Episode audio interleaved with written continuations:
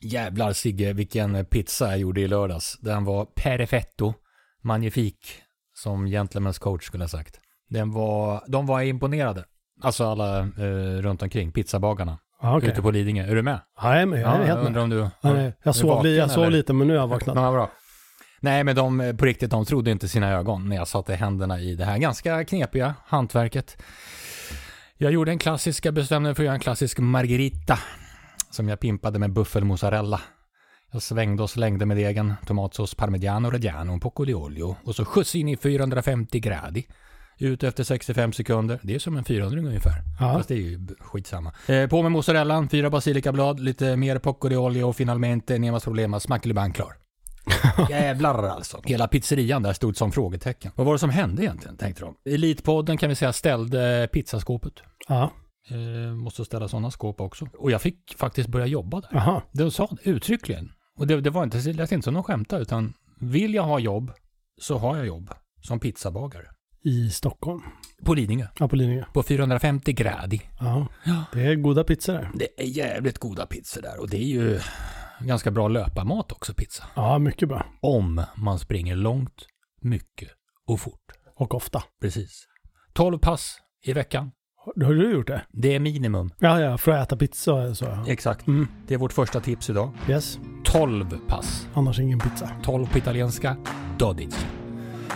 Nu kan vi börja. You can run on for a long time, run on for a long time, run on for a long time.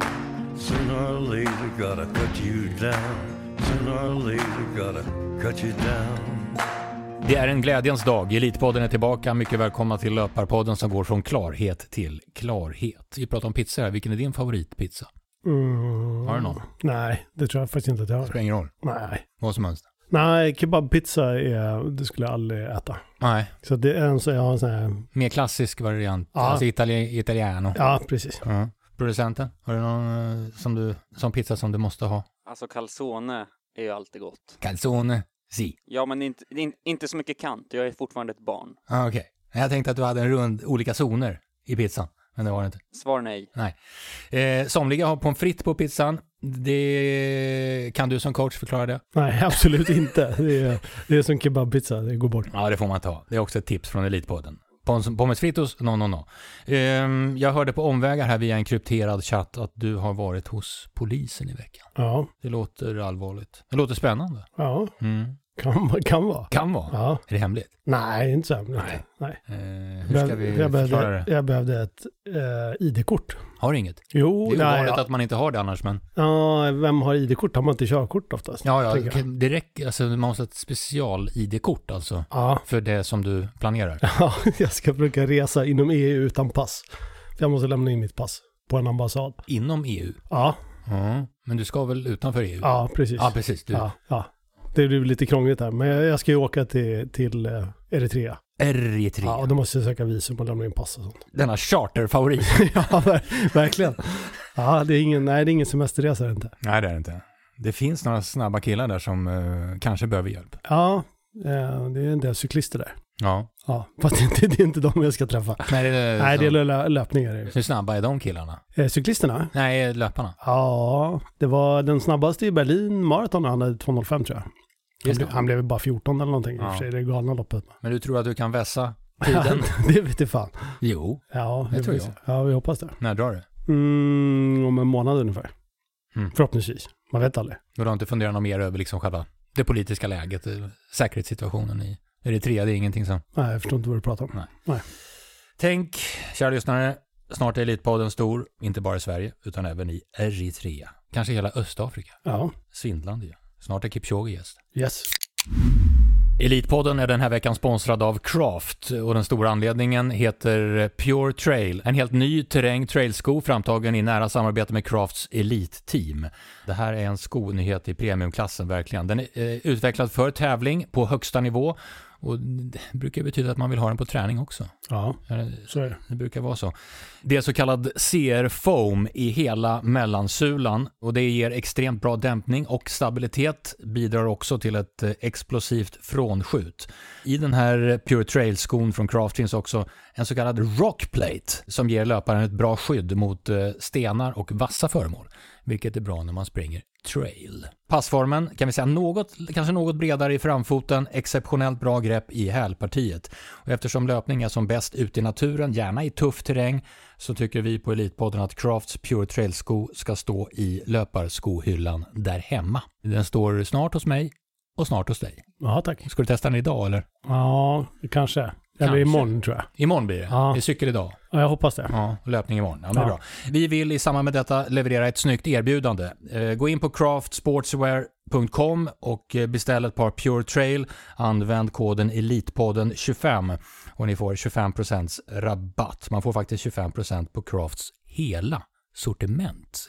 Oj, om man nämner Elitpodden 25. Det är koden. jag ska handla. Ja, det ska vi göra. Det, och det här erbjudandet ska vi säga gäller fram till den 5 oktober. Så eh, skynda er. Vi, tänk om min fru lyssnar på det här. För jag tänkte på det. Ja, gör hon det så är det bra för Craft. det är så man kan säga. Eh, Elitpodden säger tack Craft. Och då kommer vi in i det aktuella segmentet som både är aktuellt och historia samtidigt. Det är lite konstigt, men det är så. Eh, Berlin Marathon. Oj ja. Det sket sig för kocken. Ja, tyvärr. Han slog pers, Myllymäki. Ja, Pers är ju pers. ja faktiskt. Ja. Då ska man vara nöjd. En annan som eh, persade, typ, segraren på damsidan. Ja, Det var ett skapligt lopp. ja, det kan man säga. Mm. Det var inte bara pers. Nej, det var lite mer än så. Det var world record. Ja, Asefa 2.11.53. Du, Splitt-tiderna, hade inte du dem? Vad var det? Första halvan, andra halvan? ja första halvan hade hon ju öppnat hon lite lugnt. Eh, Ja. På 66.20, Mhm. vilket var ungefär världsrekordfart. Mm. Och sen så, hon tyckte det gick lite långsamt så hon hetsade sin hare lite till 65-34 andra halvan. Hade lite mer krut. Ja, hon hade rätt mycket krut. Kan man säga hela vägen in. Hon hade ju sista 2,2 km sprang hon nästan lika fort som Kipchoge gjorde på E-herrklassen. Nu måste jag bara stoppa, alltså vänta nu. Hon är 26 år, Ja, från Addis Abeba. ja, Det här var alltså hennes tredje mara. ja. Förra året var det debut i Saudiarabien. Mm, tidigt på året. Just det. Då sprang hon på 2.34. Ja, det är en bra debut ändå. Ja, det är en bra debut. Mm. Men i söndags då 2.11.53. Ja, Det är ju en jävla fartökning på ett drygt år. och däremellan var det ju Berlin förra året som hon vann också. Just det. Det ska vi ju nämna. 2.15 hade hon väl. Skorna är jävligt snabba nu Ja. för tiden. Ja, det finns ett skomärke som vill, vill få det till det i alla fall. Ja. Dina och det du har tagit del av ute i, i löparvärlden kring det här världsrekordet som Asefa slog i Berlin. Vad finns det att säga? Ja, jag tänkte... Är det, är det, är det liksom, är det jobbigt, är det svårt då? Ja, det kan man väl säga. Jag, jag tänkte det direkt när hon gick i mål faktiskt, att den här kommer bli lite knepig.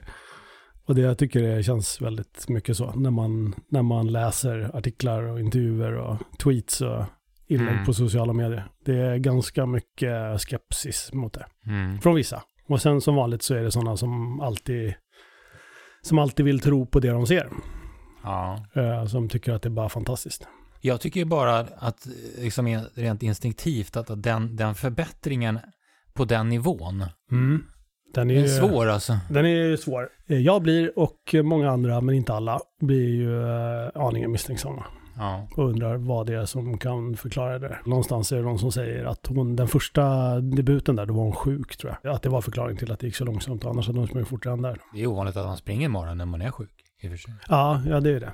Eh, så att, eh, men alltså, det är lite, hon har ju väldigt speciell bak, alltså hela historien är väldigt speciell också. Så tillvida att hon är ju gammal 800 meterslöpare. Hon var med i OS i Rio 2016. Mm.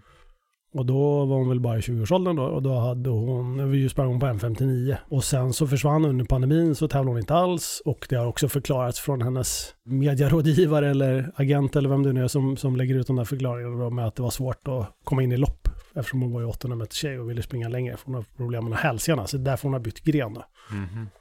Men att gå från en 800 på världsnivå då som ändå en 59 är Ja, till är att bli maratonlöpare är väldigt speciellt. Mm. Och framförallt att hon tävlat så enormt lite också. De har inte sett den överhuvudtaget förrän förra året då. Då hon dök upp. Och i år har hon sprungit ett lopp och det är Berlin. Och just det att, att det är så få lopp, är det någonting som gör världen extra misstänksam. Ja, det tror jag. Det måste man nog säga. Det kan ju finnas förklaringar till det såklart, men, men det är klart att det är en tänkbar förklaring, det är ju att man vill göra det man behöver göra för att springa så där fort i lugn och ro, Mm. utan att behöva exponera sig på tävlingar helt enkelt. I alla fall ett rekord som eh, skapar ganska mycket eh, reaktioner. Du tycks ha hamnat i en beef här med Maratonlabbet. ja, precis. Jag tillhör ju den där skeptiska, den där kategorin människor som är, är rätt skeptisk. Och eh, ibland så verkar det stör, en del blir väldigt störda på att man är skeptisk. Mm. Direkt efter loppet så var det någon som skrev något om att vad bra skor eller vilka fantastiska skor det måste vara. Är det alltså på, på Maratonlabbets Instagram? eller? Ja, precis. Mm. Och då skrev jag någonting i stil med att, att det krävs helt andra grejer än snabba skor för att springa sådär fort. Ja. Och den där togs bort sen, hela den, hela den dialogen. Vilket jag tyckte var lite roligt. Så det var bara, det är bara hejarop kvar där nu på, den, på det inlägget. Raderade de din kommentar? Ja, Är du säker på det? ja, den finns inte där längre i alla fall så att eh, då måste det ju vara raderad. Är Elitpodden censurerad alltså? Ja, det kan man ju säga. Det gör mig jävligt förbannad. Ja. Fast det, du vet, det var jag som skrev, inte Elitpodden som skrev. Jo, men vad Men det är same, same. Jag kräver nästan en förklaring. Ja, Eller det är jag nästan, jag gör det. ja. Just nu är nämligen Maratonlabbet lika med Nordkorea för mig. Okej. Det är inte positivt. Nej, Nej. nej, det är sällan Nordkorea är positivt. Ja. Får se om de hör av sig. Ja, Det måste de göra. ja det, det, Jag vill ha en förklaring till varför man raderar, nu säger jag våra, men det var ju din kommentar. Ja, det var en ganska oförarglig kommentar också faktiskt. Det tycker tycker jag ja, för verkligen. det var inte så att jag skrev att det var någon som hade fuskat eller så. Man kan säga så här Sigge, det, det, det finns en hel del eh, skepsis. Dock inte på Maratonlabbet då. Nej, det, det var Men-. Men eh, eh, vad finns det mer för, för eh, reaktioner kring, kring rekordet? Det diskuteras ju eh, lite olika poddar eh, såklart. Mm. Och på andra ställen och sociala medier. Man försöker liksom hitta någon förklaring till hur, hur, kan det, hur kan hon springa så där? Hur kan det plötsligt bli ett sånt resultat? En sån resultatförbättring. Mm. Det, liksom, det kryper lite och det många liksom, tänker ju att det här är klart att det är, det är någonting fuffens med det här. Att det är konstigt liksom. Men att det, det är inte så mycket som sägs rakt ut. Det är Nej. det inte. Men det, är- det är inget, du har inte hört liksom någon som, som har haft någon sorts trovärdig förklaring till den här exceptionella förbättringen? Nej, det tycker jag absolut inte. Det, det, den är, för mig är den, är den osannolik. Liksom så. Eh, tittar man på den, den, det resultatet, vad det betyder, i, alltså om du översätter det till andra grenar till exempel, på, på halvmaraton så motsvarar det 61-12. Den här, om man tittar i World Athletics poängtabeller. Mm. Och jämför man med andra världsrekord, manliga och kvinnliga världsrekord utomhus i olika, alla olika grenar eh, som jag kikat på. Så det finns damer i kula har högre poäng till exempel. Det är några grenar som har högre poäng i poängtabellen. Mm. Men det är just det här hoppet också i, i resultat då som är, hon vinner ju loppet med sex minuter mot Ja. en annan världsklasslöpare som just springer på 2.17. Mm. Och 2.17 i alla lopp i världen någonsin, hittills till dagsdatum, har ju ansetts varit bra. Ja. Hon blir avrättad med sex minuter. Mm. Och det här är ju, det är klart att det sticker lite. Det blir ju intressant att se, alltså, följa fortsättningen, vad det finns för planering för hennes del när det gäller lopp framöver.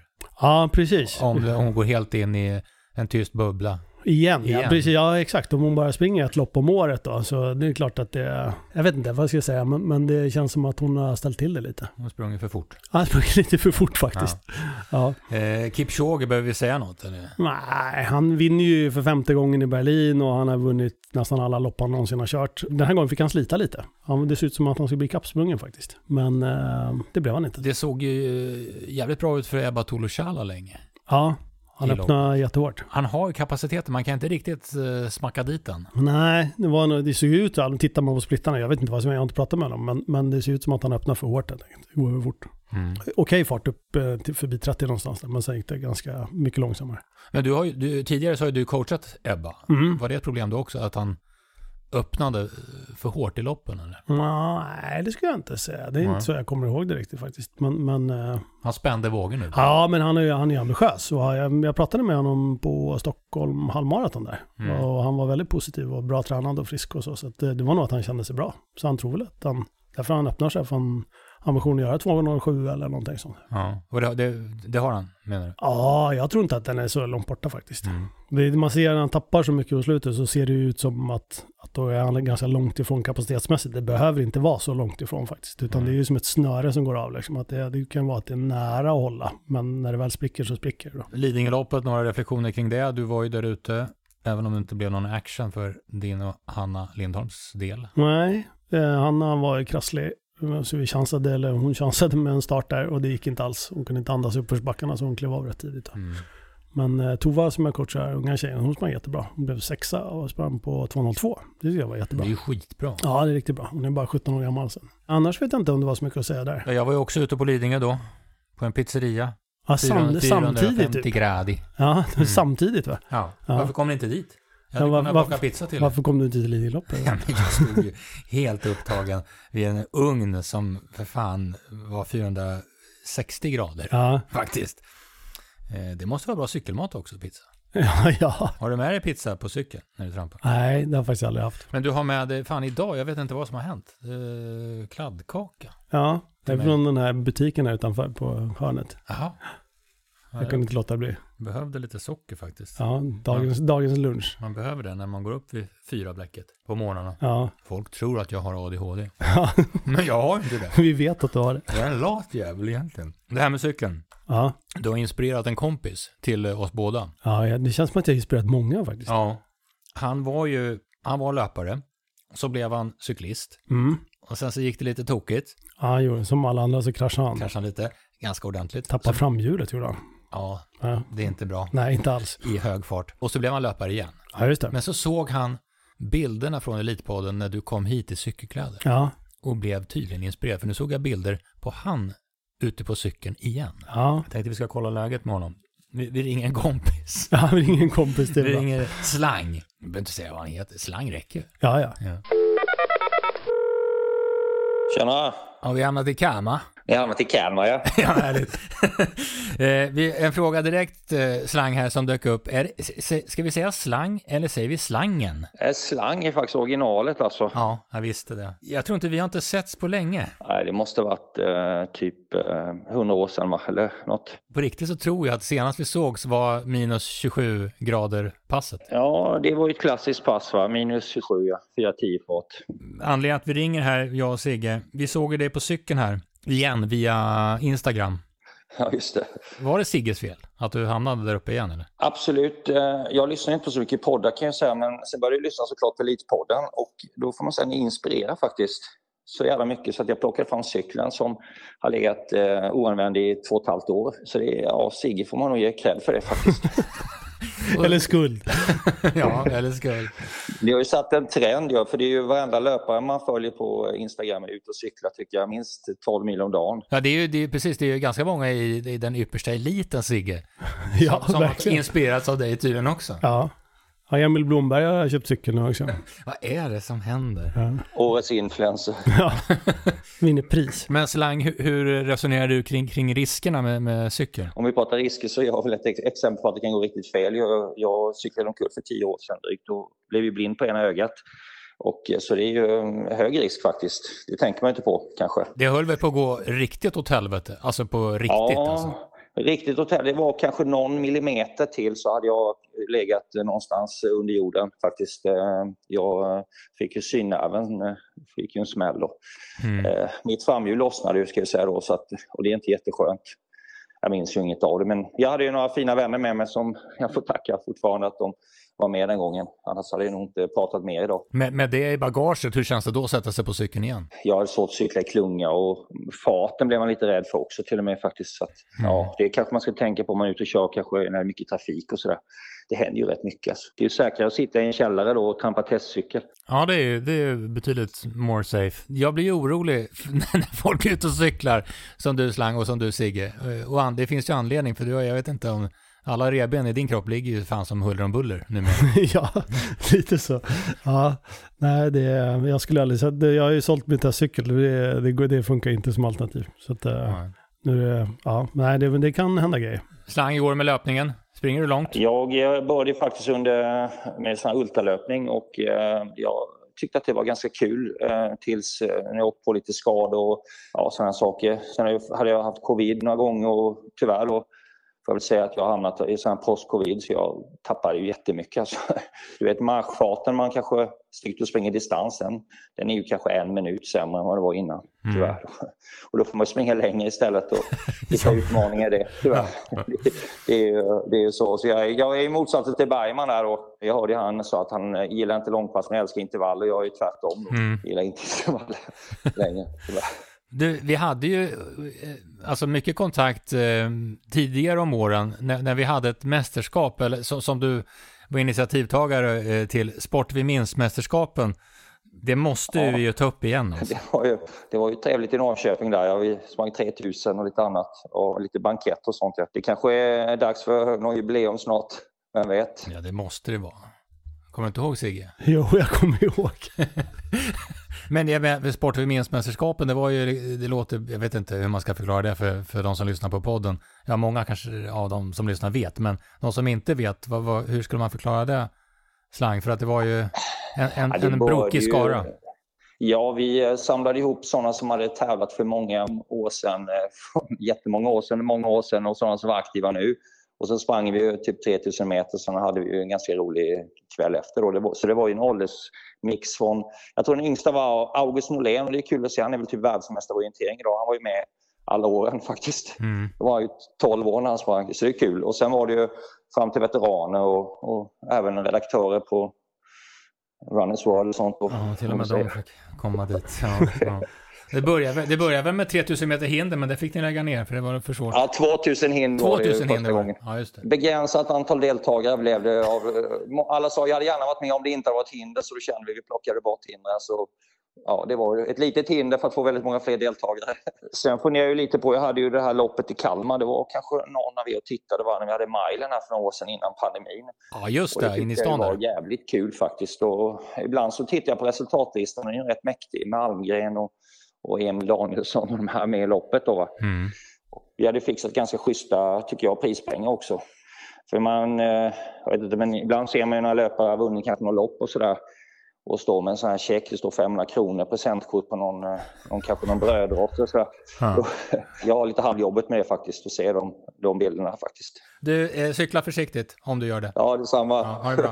Tja. Hej. Hej. Sigge, nu är inte våra egna liksom, upplägg och vår egen löpning intressant. Det har vi Nej. slagit fast. Ja. Eh, men, ja, mitt eget maratonupplägg eh, blev ju aktuellt i veckan. ja, just det. Jag, jag kände bara att jag ville få ut mitt budskap, så jag briefade ju Bergman på plats i Berlin, det var efter loppet, Mm. hur jag tyckte det skulle gå till.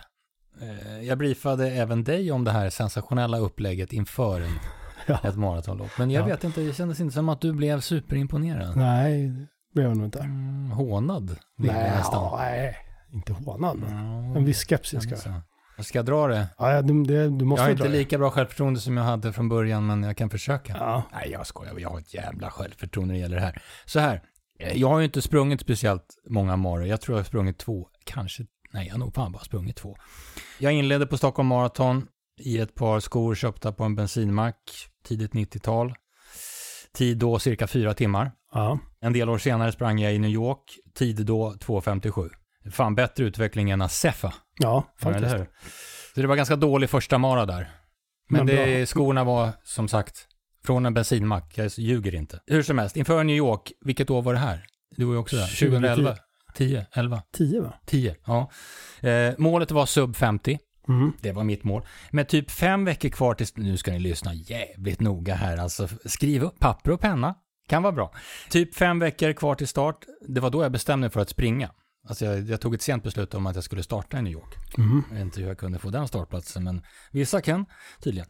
Och då bestämde jag mig för att springa allt, alltså alla pass i eh, min marafart. Ja. Så att jag sprang precis allt i eh, typ fyra blankt. Morgonjogg, distans, långpass, allt i fyra blankt. För att ställa om kroppen liksom. Eller stä- ställa om, ställa in kroppen snarare. ja, just det. Och tanken var liksom att köra så tills kroppen sa ifrån. Ja. Det var ganska tuff träning för mig att springa i den farten hela tiden. ja, det måste ha varit jättehårt. Ja. Men jag skulle köra så till- tills det sa stopp bara. Och det gjorde det. Efter typ drygt två veckor och sånt där. Kom du så långt som två veckor? Ja, gjorde jag. Höll på. Jag hade ju en jävla boost efter eh, sex, sju dagar. Ja, Då jag var i topp, blev i toppform av den där träningen. just det. Men det jag tyckte det var helt normalt, sa du. Ja, ja men så kan det bli. Så kan det bli. Ja, man får ett litet första släpp. Ja, just. När jag hade tagit stopp, då var det cirka tre veckor kvar. Mm. Knappt kanske, till eh, New York-starten. Lätt jogg, lätt jogg va? Och så väl fräsch igen. 10 gånger 1000, 330. Ja, Lätt jogg, lätt jogg. Och sen ett 200, t- 10 gånger 200 ja i eh, överfart med, ja, kan vara, fem dagar kvar kanske. Något sånt. just det. Vad säger du? Fan, fantastiskt upplägg. Ja, Ja, men du, du, har bara, du körde det bara en gång? Ja. ja. ja. Och du till New York var du väldigt nöjd med. Var det för att du slog mig då? Eller, eller för att Nja, jag var ju 257? inte nöjd. Jag skulle ju, jag skulle ju gå under 250, så jag var ju inte nöjd. Sen var det ju, det var ju plåster på såren att jag sprang om dig Ja, på slutet. Och att, och att det var pers med en dryg timme. Ja, exakt. Nej, men jag tyckte, ja, fan, alltså det funkade ju. Det gick ju som en klocka Ja, ett tag. det kändes bra. Ja, det gjorde det. Ja, Ursäkta, Ja. om det var så jävla bra upplägg, varför har du inte kört det igen då? Jag hatar att springa mara. Det är för långt, ja. tycker jag. Annars hade du, skulle du köra morgon nu skulle du göra samma upplägg då antar jag. Fast 4.00 skulle inte komma många dagar då alltså. Nej, jag tror inte jag skulle hålla ihop kanske på Nej. samma sätt. Du, du, du faller liksom på första passet. Bergman blev jätteintresserad Ja, okej. när jag briefade honom. Och så har vi hörts på telefon när han kom hem till Stockholm igen. Ja, just Så jag det. fick ta det noggrant. Ja, Han tyckte det var intressant. ja. Du har nått på spåren. det Ja. nya. Ja.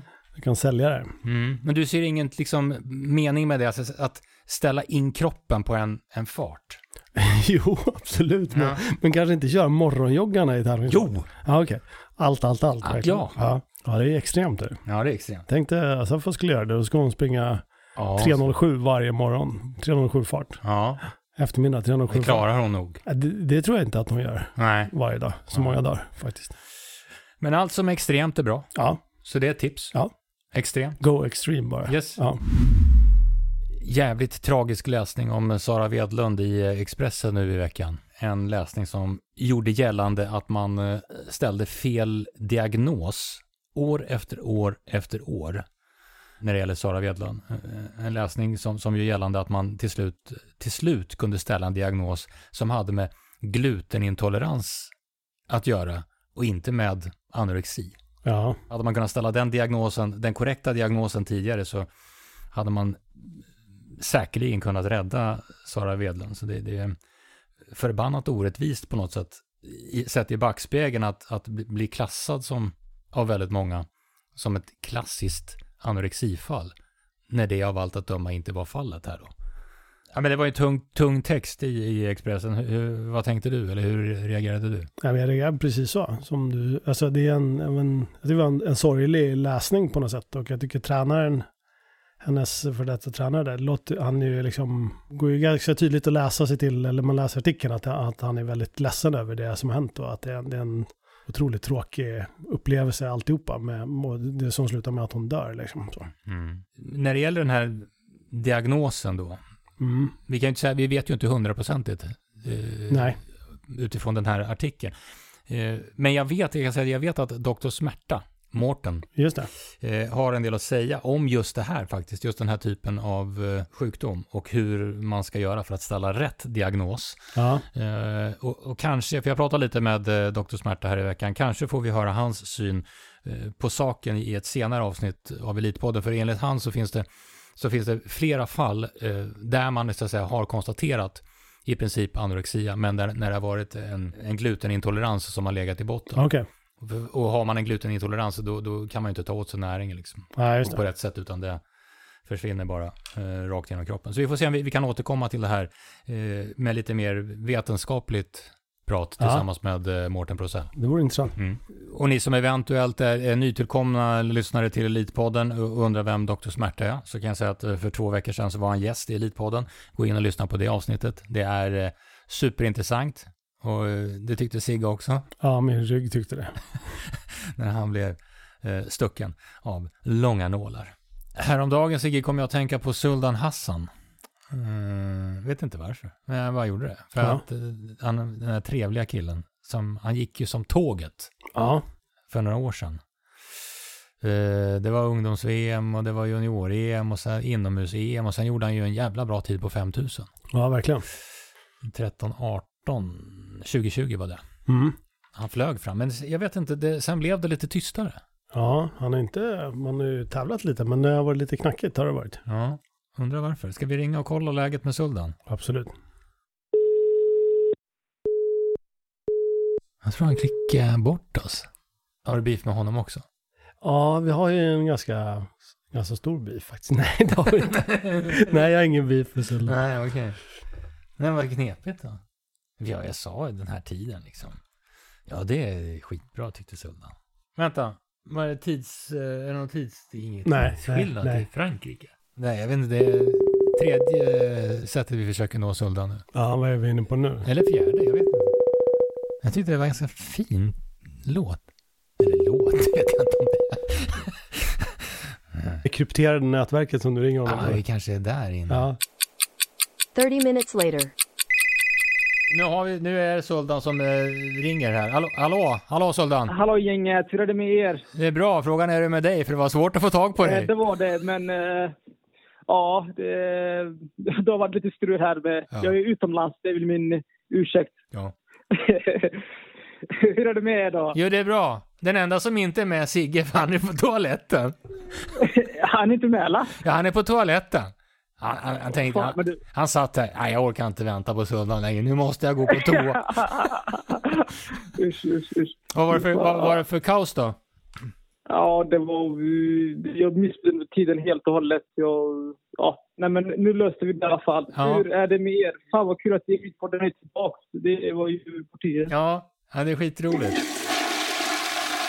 Det, och det var, nu, nu kommer Sigge tillbaka från toaletten. Han, han, bara, jo, han har gjort det lilla bara tror jag. Ingen fara. hej Suldan. Tjena du, hur är det? Ja, det är bra. Är, är, är, du i Frankrike nu eller? Ja, det är jag. Vad fan, varför ringer ni mig? Eh, finns väl några andra löpare som det går bättre för i Sverige? Eh, Nej, vet du varför? Det var så att jag kom att tänka på dig för eh, några dagar sedan, precis innan jag kontaktade dig. Eh, för vi hade ju med, du var ju med i Elitpodden för, för jättelänge sedan, när det, det gick som tåget. För dig ja, när man var verkligen. ung och lovande, ja. Ja, vad hände, vad hände sen de, de senaste åren? Det känns som att det, det har gått lite trögt, eller? Ja, nej, men jag har haft lite, ja, eh, otur med allting kan man säga. Började 2022 jättebra ändå. Med pers på 10 kilometer i Valencia. Hade stora förhoppningar om säsongen, 20, alltså förra året då, Mm. 2022. Och sen fick jag covid från just det loppet i Valencia som jag persade på 10 kilometer. Vad hade du där? 28-20 eller vad var det? Ja, precis. Ja. Och sen åkte jag dagen efter till Kenya och jag fick liksom covid från det loppet då. Så att så fort jag landade i Kenya så, ja, eh, när det kändes dåligt och jag testade mig så var det positiva. Ja. Eh, och sen var väl även ja, min tränare och vidare och sådär också positiva. Så då ifrån loppet. Sen eh, skulle man ta det lugnt eh, för att man har blivit positivt testad och covid och sen eh, efter fem dagar så, ja, eh, så kändes det bättre. Mm. Och så, ja, jag frågade en som kunde de här sakerna eh, om vad jag skulle göra och så tyckte han att jag skulle köra och så började jag köra. Och så gick det åt helsike. Ja. Jag förstörde allting då. Eh, jag var på hög höjd och sen körde jag på lite fort där kanske också. Så med facit i hand var det kanske så klokt så förstörde jag hela säsongen kan man säga. Så Mhm. till slut under sommaren 2022 så hade jag liksom trösklar på 320. När, när, den dag som jag hade 320 på tröskeln, på tröskeln 8 gånger en kilometer så kastade jag in handduken och sa att om, jag, om du ska hålla 320 här så är det inte så mycket att hämta härifrån och du har hög puls liksom. Eh, så att eh, så har det sett ut och sen har det inte släppt riktigt och sen har det släppt i år och så har det varit stolpe ut här och där med, liksom, ja, eh, kanske med träningen och allting sådär. Och, ja, men nu, eh, för att göra en long story short så känns det mycket bättre nu. Jag har kommit upp i, i bra volym. Jag känner mig bättre på långintervaller och långpassen och allting. Efter SM så tog jag inte någon säsongvila utan jag satte igång direkt med uppbyggnadsträningen. Grundträningen för att jag vill gärna, jag vill gärna komma tillbaka och jag vill gärna att 2023 Fyra, jag har nästan tappat åren och var, var, någonstans. där. Ja. Men jag vill gärna att 2024 ska bli liksom det bästa året eh, i min karriär eh, så här långt och eh, jag kom igång jättebra och det känns bättre nu igen. Jag känner mig mentalt liksom redo och kroppen känns jättebra. Så vi får hoppas att eh, man kan bygga på det här nu och kanske komma tillbaka då. Det återstår att se. Verkligen. Men det, under liksom det här, det här pro problemåret då efter Valencia-loppet och covid, då, hur, hur tacklade du det mentalt? Ja, det var jobbigt kan jag tala om för dig för att man, man har ju lagt ner så mycket tid på löpningen. Va? Man vill gärna utvecklas hela tiden. Uh, och uh, ja, i år var det väl något bättre även om det kanske var ganska tungt på slutet av året när, när det gick inte så bra heller. Men förra året var det jobbigt liksom verkligen. Framförallt när man inte visste, du vet när man, när man går till landslagsläkaren och det här och så säger de att Nej, men det är postcovid. Du har post-covid, eh, vad ska jag göra åt det då? Nej, du ska vila liksom och Känns det bra ska du trycka på och köra. Känns det dåligt ska du vila. Mm, mm. Liksom, vad ska man göra i ett sånt fall? Alltså, jag, vill hellre, jag, får, jag vill hellre få en stressfraktur och vara borta i sex månader så kommer tillbaka och veta att det är över. Ja, Än att, liksom att, att de säger att det är post-covid och sen vet man inte när det släpper. Så det är väldigt frustrerande. Det är något helt annat mentalt än liksom, säga att de åren, jag har alltid haft motgångar, men jag, då har varit skador. Va? Mm. Och de har ju ändå kunnat, kan man säga, tackla. För att vill bara köra rehab. Och sen när man var hel och frisk så var det ju så var det bra va. Ja. Eh, nu var det inte så. Eh, och sen var det i år var det också jobbigt mentalt tyckte jag. För att jag började då min säsong, första femtesemesterloppet i Stockholms stadion 13.38 och Mm. det är ändå bra öppning Ja, för mig. verkligen. Över 2020 så hade jag, äh, öppnade jag på 13.31 liksom. Tänkte bara oj, och nu känns kroppen bra. Nu är vi, till, nu är vi tillbaka på liksom så här. Det var roligt. Man var jättetaggad och sen ja, nästa lopp, nästa lopp och så var man aldrig i närheten av det liksom, i något annat lopp. Så att, eh, ja, jag, jag känner ändå att jag faktiskt alltså, vuxit liksom, eh, som person faktiskt av, av de här två åren, då får man, får man ändå, säga. Eh, för att jag har varit mentalt, liksom, jag hoppas att jag blir starkare av det här och kan, ja, att det kanske smakar bättre sen då när det väl vänder för mig. Hoppas jag. Hur skulle du sådan beskriva din träning just nu? Vad, vad ligger fokus i träningen? Mängd. Jag vill gärna komma upp i volym. Det, det, det, det är min prio nu. Jag vill gärna komma upp i bra volym. Eh, liksom göra bra liksom, i sommar och det här. Så jag har kunnat göra ändå hyggliga pass, så här, liksom, snabbhetspass. Men jag vill gärna kunna göra bra på de här liksom, långa grejerna. Jag vill gärna kunna springa liksom, tre gånger tre kilometer väldigt fort liksom, och tolv gånger eller tio gånger 1200 meter väldigt fort. Alltså mer att de här längre intervallerna liksom vara stark där liksom och Mm. kom, ja, komma upp i bra volym. Så jag lägger fokus på det där nu och jag har faktiskt eh, ja, eh, känt att eh, det har varit väldigt, väldigt bra den här första Ja. ja. sex veckorna av uppbyggnaden. Vi- vi- Vilka förväntningar har du själv, avslutningsvis, vil- vilka förväntningar har du själv eh, inför 2024? Jag vill gärna, jag, jag har alltid haft högt, jag har aldrig sprungit för att gå ner i vikt eh, liksom, utan jag har alltid sprungit för att liksom, försöka konkurrera med de bästa liksom, och nu är det ju så kul för att det går ju så bra för svensk löpning. Och såklart jag vill komma upp också liksom, i, jag vill persa liksom och liksom slåss om, om de bästa Mm. prestationerna. Ja. Liksom. Eh, och jag vill komma med i OS. Liksom. Jag har alltid tänkt på OS. Liksom. Så att, eh, utan att liksom, säga för mycket nu så klart att det finns OS i Paris och där vill jag såklart vara med. Eh, det finns ett EM också. Så att eh, det är mästerskap, det, det, de tränar man ju för. Men jag funderar faktiskt också på att köra kanske en halvmara i höst. Okej. Kanske inte alls för länge. Och det är faktiskt ser jag fram emot och se liksom, ja, i år har det inte gått så bra på kanske på 5000 sådär. Hur kan det bli på en halvmara liksom? Mm. Så att jag är lite taggad faktiskt på att köra en halvmara i höst också. Så att eh, vi får se hur, vad jag kan göra där då.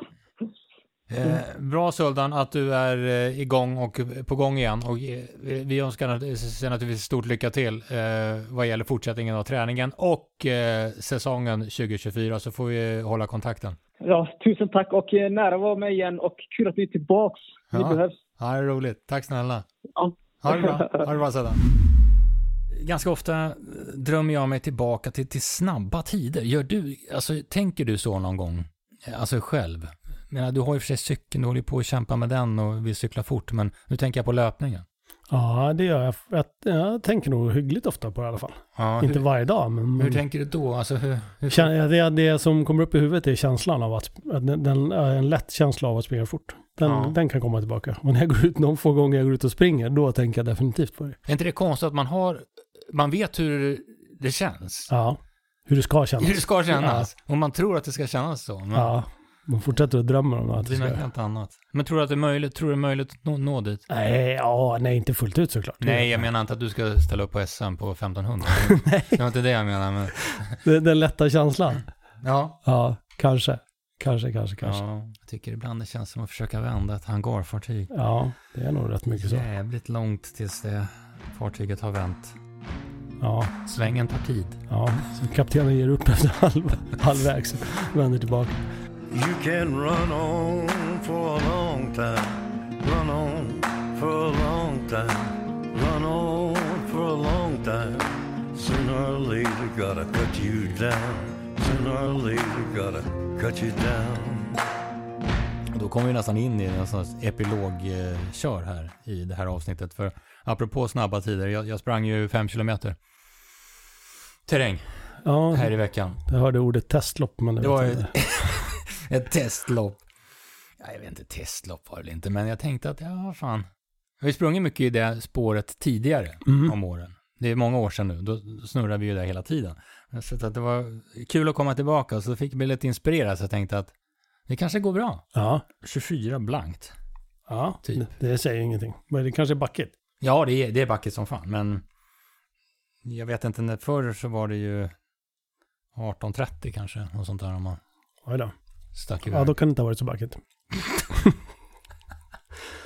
Men i bilen, jag ringde ju dig efter det där. Ja, Ja, det lär vara lite deppigt. ja, Ja, du var inte så imponerad. Det ska du inte vara heller. Men i bilen hem när jag hade pratat med dig, då blev jag så jävla förbannad.